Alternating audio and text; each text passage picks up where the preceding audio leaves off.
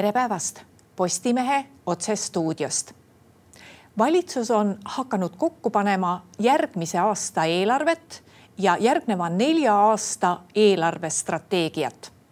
meil on stuudios Eesti Panga ökonomist Kaspar Oja. tere päevast. tere päevast kui me vaatame nüüd seda ümbritsevat majanduskeskkonda ja ka neid numbreid, mida prognoositakse, siis millega eelarvet kokku pannes tuleb kõige enam arvestada? Kui ma vaatan seda eelarvet äh, või mis praegu prognoosi, äh, mida sellele eelarveks prognoositakse äh, järgmiseks niimoodi neljaks aastaks, siis see kõige suurem probleem paistab olevat mitte nüüd lähiaeg, vaid tegelikult see, mis jääb siin nagu kolme-nelja aasta kaugusele.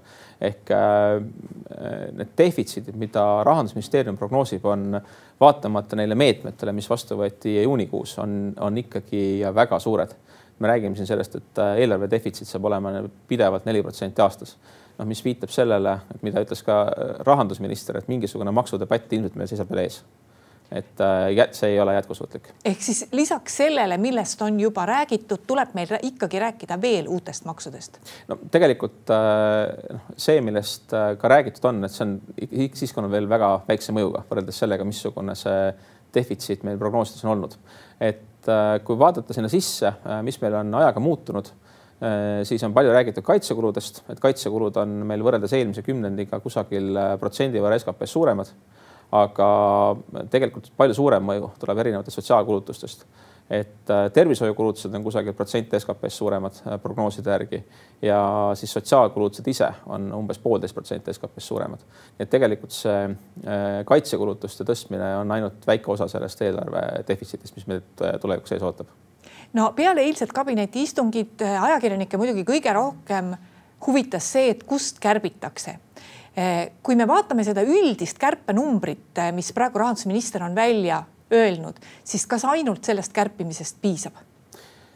noh, ma arvan seda, et tegelikult kui neid mastaape vaadata, siis noh, ei ole realistlik seda nelja protsenti SKP-st, no võib-olla ka siis kahte näiteks, et ei tingimata ei pea olema eesmärk, et jõutakse Äh, nüüd täpselt tasakaalu, võib-olla võib ka mingisugune defitsiit jääda, kaks-kolm protsenti SKP-st näiteks äh, kärpida, siis äh, no, tegelikult selle mastaabi juures ei ole realistlik, et see kõik tuleb kärbetest, et ilmselt on ikkagi vaja mingisuguseid maksutõuse. Ähm, et sinna juurde minu arust tasuks vaadata seda, et ka selleks, et neid koalitsioonilepingu lubadusi täita, ilmselt on siia-sinna vaja mingisugust ressurssi juurde, et noh, näiteks eestikeelsele haridusele üleminek eeldab seda, et on vaja rohkem õpetajaid ette valmistada ja, ja noh, see eeldab mingeid kulutusi, mida võib-olla ei ole veel piisavalt arvesse võetud. Ehm, et äh, noh, kui mõelda nende kärpekohtade peale, siis äh, ilmselt on, on selliseid äh, nagu madalal rippuvaid õunasid, et mingisugused meediakampaaniad, mille noh, tegelikult olemus on küsitav, et milleks avalik sektor sellega tegeleb, ära hoida, näiteks need, need ära jätta, aga see see ei anna siiski väga suurt kokkuhoidu, et siis, et ühe, kui niisuguse kampaania hind on noh, viiskümmend tuhat eurot näiteks, mis, mis tegelikult on ju väga suur summa, siis noh, eelarve mõttes on see ikkagi väga väikene ehm,. siis ilmselt äh, niisugune lihtne asi, mida esialgu väga palju ei märgata, on igasugused äh, tegevused, mis on suunatud ettevõtluse välismaale viimisele, siis ekspordi toetamisele äh,. noh, näiteks äh, Äh, mingisuguste välisesinduste kinnipanek, äh, mis võib olla niisugune lühiajaliselt lihtne teha, aga noh, pikaajaliselt on sellel mõju, sellepärast et äh, Eesti ettevõtetel jällegi on siis raskem sinna välisturgudele minna. ma arvan, et selle kärpimise juures tasuks mõelda ka sellele, kuidas tulla praegust olukorrast välja, et praegust majanduse olukorda iseloomustab see, et enam-vähem äh, korras on olukord äh, teenindussektoris, seal on mingeid harusid, kus ei ole kõik korras, äh, kus on kehvemini, aga kus on selgelt halvasti, on siis tööstussektoris ja ehitussektoris ehitussektoris, noh, vahepeal oli majanduse kuumenemine, see, et jahtumisega läheb kehvemini, on loomulik. tööstussektoris saab välja tuua mingeid harusid, mis on rohkem kannatanud. et ühest küljest olid seal taga siis need Venemaa kaubanduse lõppemisega seotud probleemid teame, et äh, puidu import langes Venemaalt hästi palju. noh, andmetes on hästi-hästi näha seda, et äh, juulikuust alates eelmisel aastal äh, kukkus siis ka vastavates harudes toodang. aga noh, kui praegu rääkida ettevõtjatega, siis nad pigem viitavad sellele, et enam ei ole nii palju probleeme materjaliga, kui on probleeme turgudega ehk et see Skandinaavia turg, kuhu nad varem eksportisid, on ära kukkumas. kui nüüd seda turgu vaadata niimoodi, siis seal on nõudlus langenud, võiks öelda, et Eestis tegelikult on ehitusmahud langenud veel rohkem kui Skandinaavias, sellepärast nagu puhtalt nõudluse languse alla, ma arvan, seda panna ei saagi, seda kukkumist seal taga tõenäoliselt on ka konkurentsivõime muutus, et äh, Eestis on olnud väga kiire hinnatõus. Äh, sellega on käinud kaasas ka palgatõus ja lihtsalt tootmine on muutunud Eestis kulukamaks. Ähm, võrreldes meie konkurentidega Kesk-Euroopas äh, on üheks erinevuseks ka see, et meil on, on euro, mis ei ole nõrgenenud niimoodi siis teiste valuutade suhtes ja noh, siin on näiteks poolakatel on, on oluline konkurentsieelis äh, siis eksportimisel Skandinaaviasse. Äh, nüüd neid äh, probleeme on, on mitmesuguseid ja nüüd on küsimus see, et kuidas see majandus uuesti kasvama panna ja need siis meie jaoks küllaltki olulised suured harud tuua sellest kriisist välja, et ilmselt see vajab ka kulutusi, et pakutud on, et noh, näiteks võiks neid harusid suunata rohkem Saksa turule Äh, mis ise on ka langemas, aga Saksa turg on nii suur, et, et kui me sealt mingi tüki saame, siis, äh, siis äh, noh, see aitab juba üsna palju. ja noh, see eeldab kulutusi, rohkem diplomaatiat selles suunas, erinevaid investeeringute ekspordi esindajaid sinna, et see kõik toimima saada. et, ähm, et ettevõtjad ise saavad teha küll ka, aga tõenäoliselt on neile ka abi sellest, kui kusagil käiakse neid uksi lahti tegemas. nii et äh, Äh, praegu ongi nagu äh, probleem selline, et justkui oleks vaja äh, majandusele selle siis avaliku sektori eelarvega hagu juurde anda, mingisuguseid probleeme lahendada, aga kuna eelmistel aastatel on lükatud kulud nii kõrgele, siis tuleb hakata hoopis kärpima ja noh, ollaksegi probleemi ees, et no tõenäoliselt need uued kärped ka mingil määral halvendavad majandusolukorda ja vähendavad majanduskasvu no see on see, mida ettevõtjad kogu aeg kritiseerivad, et noh, et ainult maksutõusuga me majandust ei turguta. Samas, aga mis on see kõige suurem võti, millega seda majandust turgutavad, kõik see, mida sa eelpool ütlesid? ei no eks, eks ilmselt ongi see, et peab, äh, peab mõtlema, kuidas saada neid äh, harusid, äh, mis on hädas, on siis uuesti teistele turgudele. võib-olla kõiki harusid ei pea aitama, võib-olla meil on ka niisugust tööstust, mis noh, meie tänase hinnataseme juures ei olegi jätkusuutlik meil enam üldse. aga noh, tõenäoliselt on ka sellist, mis lihtsalt on kaotanud praegu turu ja vajaks, äh, vajaks abistamist teistele turgudele, et noh, see, see on kindlasti üks neid, neid võimalusi, kuidas majandus uuesti kasvama aidata. et kui vaadata seda rahandusministeeriumi prognoosi veel, siis mis sealt silma hakkab, on, on see, et majanduskasv nende prognoosis on ju aeglustub üsna äh, madalale tasemele juba lähiaastatel. ja, ja kui vaadata neid kasvuallikaid, mis seal taga on, siis need viitavad sellele, et majanduskasv toetub peamiselt äh, investeeringutele et äh, noh, Eestis on küllaltki kõrge investeerimismäär, ka avaliku sektori investeerimismäär on küllaltki kõrge, aga sellega ei kaasne just nagu niisugust äh, tehnoloogilist tootlikkuse kasvu mis siis noh, minu arvates on probleem, et kui niisugune rahandusministeeriumi prognoos tehakse mis peaks äh, riigis käivitama mingisugune arutelu, et mida me siis majanduspoliitikas valesti teeme. et mispärast me ei näe äh, mingisugust tootlikkuse kasvu ja, noh, miks see põhineb ainult investeeringutel. et ähm, äh, siin võib-olla selgituseks öelda seda, et äh, investeeringu, noh pelgalt investeeringutel põhinev majanduskasv on niimoodi majandusteoreetiliselt on, on jätkusuutmatu, sellepärast see tähendab, et me aja jooksul äh, suurendame järjest oma kapitali olemit, kasvatame selle arvel, kasvame selle arvelt ja mingil hetkel äh, meie kulutused äh, saavadki ainult olema siis selle kapitali olemi asendamiseks. Ehk et me, meie kapitali olemi kulum saab olema väga suur see on üks tegureid, mis on Aasia riikides näiteks toonud kaasa majanduskasvu kiire aeglustumise, et äh, noh, seal oli ka mingi hetk oli väga kiire kasv, mis tulenes siis äh, suurtest investeeringutest. aga kui sellega ei kaasnenud tootlikkuse kasvu, just tehnoloogilist tootlikkuse kasvu, siis äh, noh, see tähendas seda, et majanduskasv pidi ühel hetkel kõvasti aeglustuma ja niisugust heaolu kasvu see majanduskasv ei tootnud. ka muide Nõukogude Liidu kokkukukkumise põhjusena on, on seda välja toodud, et nad investeerisid väga palju äh, rasketööstusesse, mis äh, küll nagu lühiajaliselt tõi majanduskasvu, aga pikaajaliselt oli see jätkusuutmatu tänase valitsuse kriitikud ehk siis eh, poliitiline opositsioon eh, heidab valitsusele ette seda, et noh, et aga teie enda, et ühelt poolt te räägite kärbetest ja maksutõusust, aga teie enda valimislubadused on nii kallid, tuues siinkohal välja selle Reformierakonna maksuküüru kaotamise kui ühe kõige kallima valimislubaduse. kas selles on mingisugune võtmeprobleem, et kui see ära jätta, kui palju see aitaks? Ei, eks ta kindlasti aitaks, aga ma arvan, et see on valitsuse prioriteetide seadmise küsimus, et äh, ma siin ei tahaks kritiseerima hakata, et äh, mida nad äh, peaksid tegema, mida mitte tegema. sellepärast, et see on ikkagi midagi niisugust, mis on noh, demokraatlikel valimistel on nii-öelda poolehoiu saanud ja, ja järelikult ühiskond peab seda oluliseks ja seda peaks tegema. ma arvan, et paljude selliste reformide puhul on probleemiks olnud see, et ei ole Äh, avalikkusele teada antud, et need midagi tegelikult maksavad.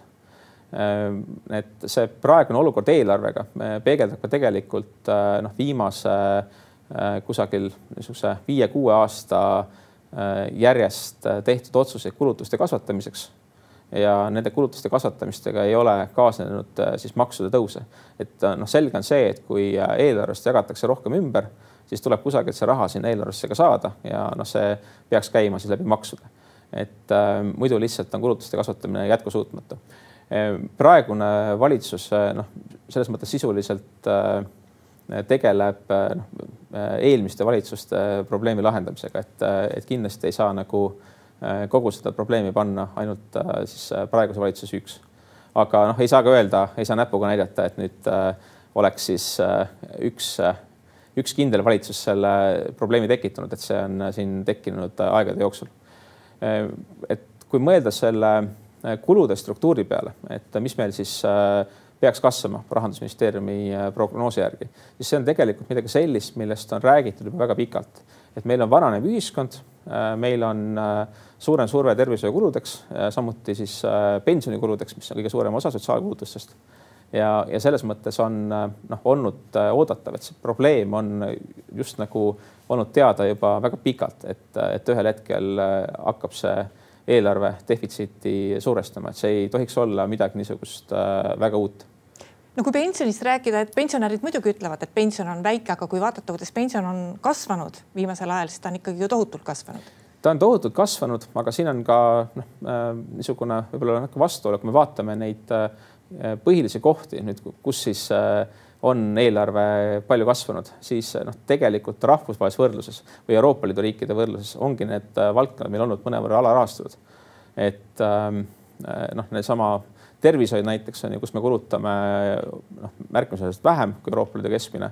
no tänu sellele me saame noh, näiteks lubada võib-olla vähem kaasaegseid ravimeid Eestis. noh, loomulikult see ei ole nii lihtne pilt on ju, et seal on Äh, kindlasti rohkem probleeme, meil on ka arstide puudus selleks, selleks, et äh, kasutada seda raha äh, siis efektiivselt, mis me sinna tervishoiusüsteemi paneme, meil oleks vaja ka ilmselt rohkem tervishoiutöötajaid. aga, aga eks need probleemid on kõik omavahel seotud, et kui me ühel hetkel alarahastame mingit valdkonda, siis noh, kümne aasta pärast on seal vähem siis kvalifitseeritud tööjõudu, et see on, see on niisugune loomulik areng. Ja sama tegelikult on pensionitega, et niisugune, mis ütleme, pensionäride äh, Äh, sissetuleku suhe äh, töötavate inimeste sissetulekusse on äh, Eestis üks Euroopa Liidu väiksemaid, et meil on näha, et meil on valdkonnad, kus on kulud suuremaks läinud, aga need on ka valdkonnad, mis meil on varem, varem alarahastatud. no kärbete puhul nüüd on peaaegu kõik ministrid, keda ajakirjandus on küsitlenud, on öelnud, et noh, et palkade pealt kärpida ei tohiks. on öelnud seda siseminister, et nende valdkond on väga oluline, seal on sisejulgeolek, meil on sõda ja mitte mingil juhul ei tohiks palgad saada kärbitud. eile oli saates haridus- ja teadusminister, kes ütles samamoodi, et ta ei hakka küll valitsuselt raha juurde nuruma, aga eelarves või, või oma valdkonna kulutuste sees tuleb muuta proportsioone, nii et õpetajate palgad ikkagi tõuseksid ja noh, võib-olla betooni läheks siis vähem. et eh, kui me siiski eeldame, et valitsus läheb kärpima ka palku, kas sellest on abi? oma sektoris, just valitsussektoris, avalikus sektoris? no selles mõttes, et kui meil, kui meil probleemiks on see, et meil on äh, Äh, tootmine muutunud kallimaks Eestis, äh, siis äh, noh, teoreetiliselt mingit abi võiks sellest olla. aga, aga samas noh, kui me vaatame otsa neile palgatõusudele, mis on avalikus sektoris olnud, et see on tõsi, et avalik sektor on vedanud viimasel ajal palgakasvu. aga selle, selle palgatõusu taga suuresti on olnud just need valdkonnad, mida ma arvan, me ühiskonnas oleme ka pidanud sellisteks võib-olla alamakstuteks varasemalt, et noh, needsamad õpetajad, päästetöötajad ja, ja selles mõttes nende palga küllaltki kiire tõstmine tundub, ma arvan, suure osa ka valijate jaoks õiglane. Mm, võib-olla siin äh, diskussioonis on äh, aeg-ajalt probleemiks olnud see, et kui me vaatame seda keskmist palgatõusu avalikus sektoris, siis äh, sageli näidatakse näpuga ministeeriumi töötajatele, sest et noh, nemad on need kõige nähtavamad avaliku sektori töötajad, aga noh, tegelikult enamikus ministeeriumides see palgakasv nii kiire pole olnud, et on, on siin erandeid, kus noh, mingi mõned ministeeriumid selle aasta alguses tõstsid kiiremini palku seotud sellega, et nende haldusalas oli siis teiste töötajate palgakasv kiirem ja noh, seal võiks võib-olla arutada, kas, kas mingisugune niisugune palkade struktuur on läinud avalikus sektoris paigast ära ehk siis mõned ministeeriumid on liiga palju eest ära läinud. aga ma kaldun ka arvama, et niisugust suurt kärpimise võimet tegelikult, kärpimisallikas seal tegelikult ei ole, sellepärast et pigem Äh, noh, kui neid äh, palku niimoodi võrrelda, siis on, ma arvan, et see ka paljudes ministeeriumis on see oht, et me kaotame lõpuks need äh, vajalikud spetsialistid. ja noh, siis selle süsteemi ülesehitamine võtab uuesti palju aega. et äh, olen siin ise ka äh, viimastel aastatel teinud koostööd erinevate ministeeriumidega erinevates projektides ja noh, peaks ütlema, et on, on näha seda, et on mingisugused valdkonnad niisuguse optimeerimisega on tegelikult ministeeriumides kaduma läinud ja võib-olla noh, riigil oleks neid valdkondi tegelikult tarvis selleks, et teha paremaid otsuseid. et äh, ministeeriumid saavad tegeleda väga hästi äh, siis seaduste töötamisel kaasaaitamisega, aga no, niisugust otsest analüüsi äh,, noh, analüütikuid, äh, neid, neid enam eriti ministeeriumis ei ole.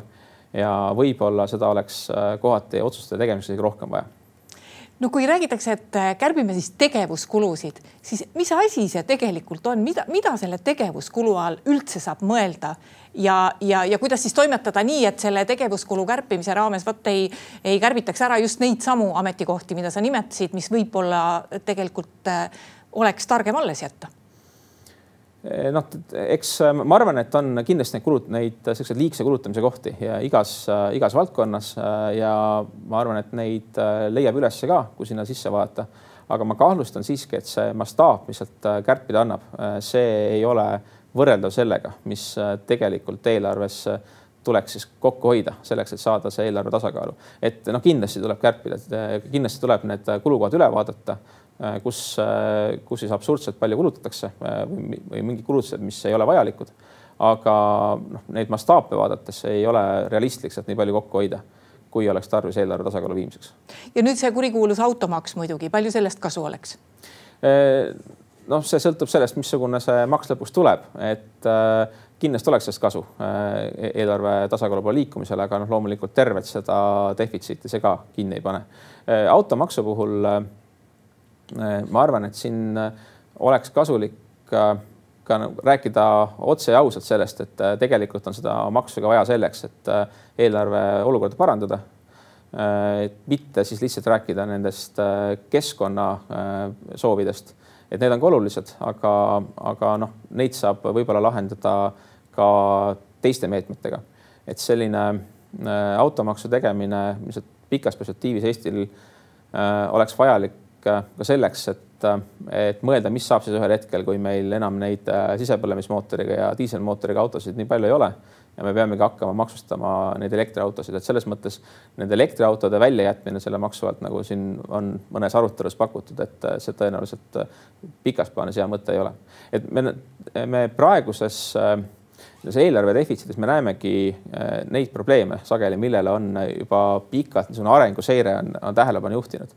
Et meil on vananev ühiskond, äh, meil on suurenev surve sotsiaalkulutustele ja siis äh, noh, neid inimesi, kes äh, saaksid seda maksukoormust kanda, tõenäoliselt meil jääb vähemaks, kui ei tule niisugust suurt sisserännet või, või siis noh, midagi, midagi, midagi muud sarnast.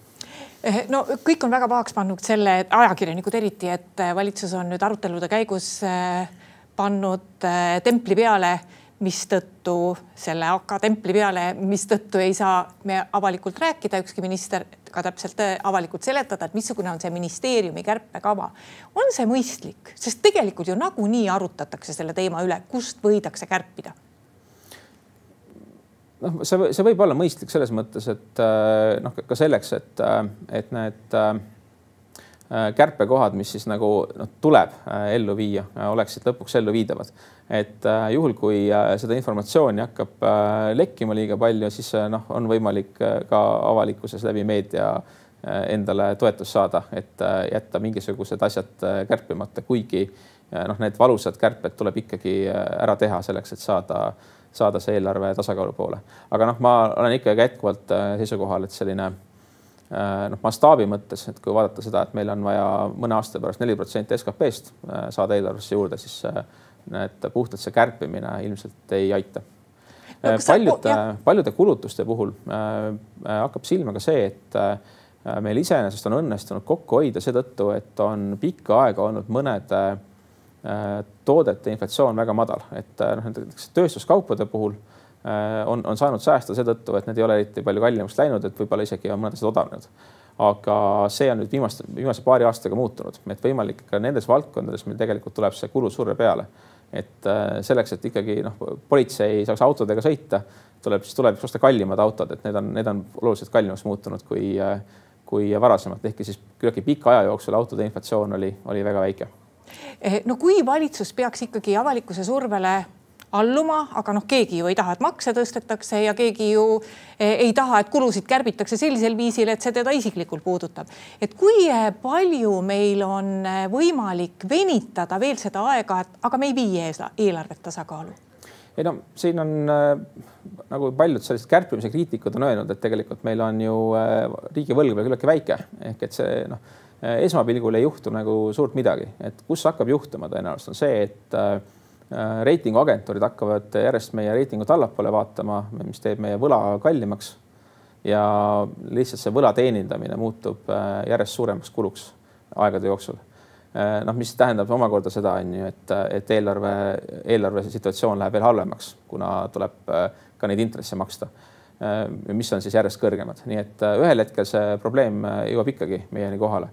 et olen siin varem toonud seda Kreeka näidet ka, et tegelikult ega Äh, enne äh, selle suure kriisi tulekut äh, Kreeka rahaline olukord ei olnud ka nii halb, kui ta oli pärast kriisi, et need, see situatsioon võib väga kiiresti muutuda, kui majanduses läheb järsult halvemaks, näiteks noh, nagu meil praegu on juhtunud.